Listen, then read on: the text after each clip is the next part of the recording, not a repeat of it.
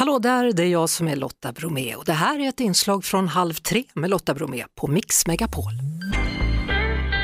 Augusti 2019 så var Jessica Hägg ifrån Kristianstad ute och plockade svamp, vilket hon älskar. En vecka senare så hade hon bokat tid för sin första dos TBE-vaccin. Men hon kom hem från svampturen med en fästing. Hallå Jessica! Hallå, hallå! Vad händer sen när du har kommit hem med den här fästingen? Ja, jag tog väck den såklart med detsamma. Um, och tänkte sen tänkte att jag skulle hålla koll så att det inte eh, blev någon röd ring så att det var borrelia. Um, men det blev det ju inte så jag vaccinerade mig och sen några dagar senare så kände jag mig lite lätt influensasjuk.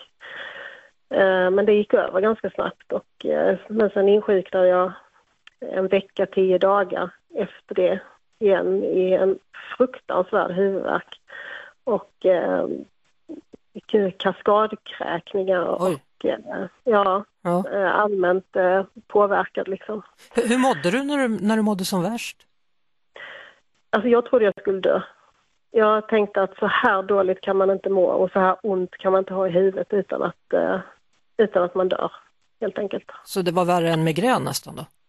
Oh ja, det var det. Det. Jag brukar beskriva det som att någon kör in glödande järnspett i huvudet och eh, hamrar på dem samtidigt. Ja, kära någon. Eh, det räcker ja. ja. du, sen lyckas du då turligt nog mitt i allt det här ringa din mamma och komma in till akuten. Ja, det gjorde jag. Och där blev du kvar? De, där blev jag kvar i åtta dygn, ja. Ja, vad sa de att det var då när du kom in?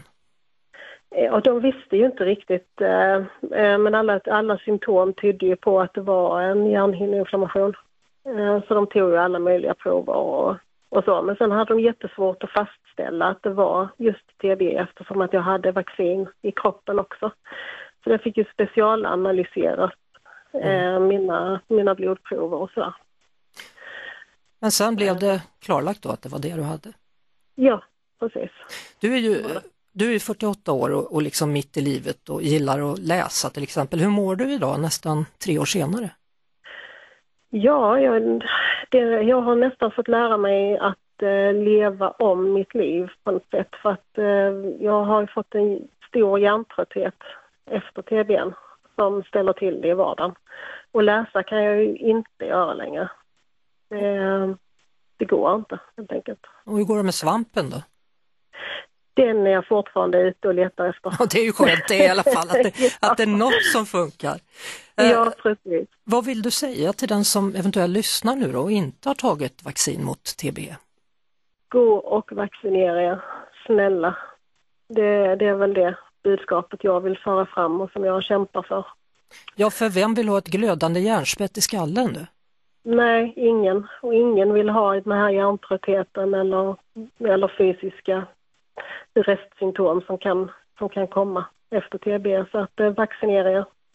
Jag vet att det kostar men eh, det är värt men det. det. Ja, det är det. Man, eh, man skyddar sig inte bara mot själva sjukdomen TB utan man skyddar faktiskt sin livskvalitet också. Tack så mycket Jessica Hägg från Kristianstad för att du var med och berättade hur det var och hur ja, det är. Ja, tack så mycket. Vi hörs såklart på Mix Megapol varje eftermiddag vid halv tre. Ett poddtips från Podplay. I podden Något Kaiko garanterar östgötarna Brutti och jag, Davva, dig en stor dos skratt. Där följer jag pladask för köttätandet igen. Man är lite som en jävla vampyr. Man har fått lite blodsmak och då måste man ha mer.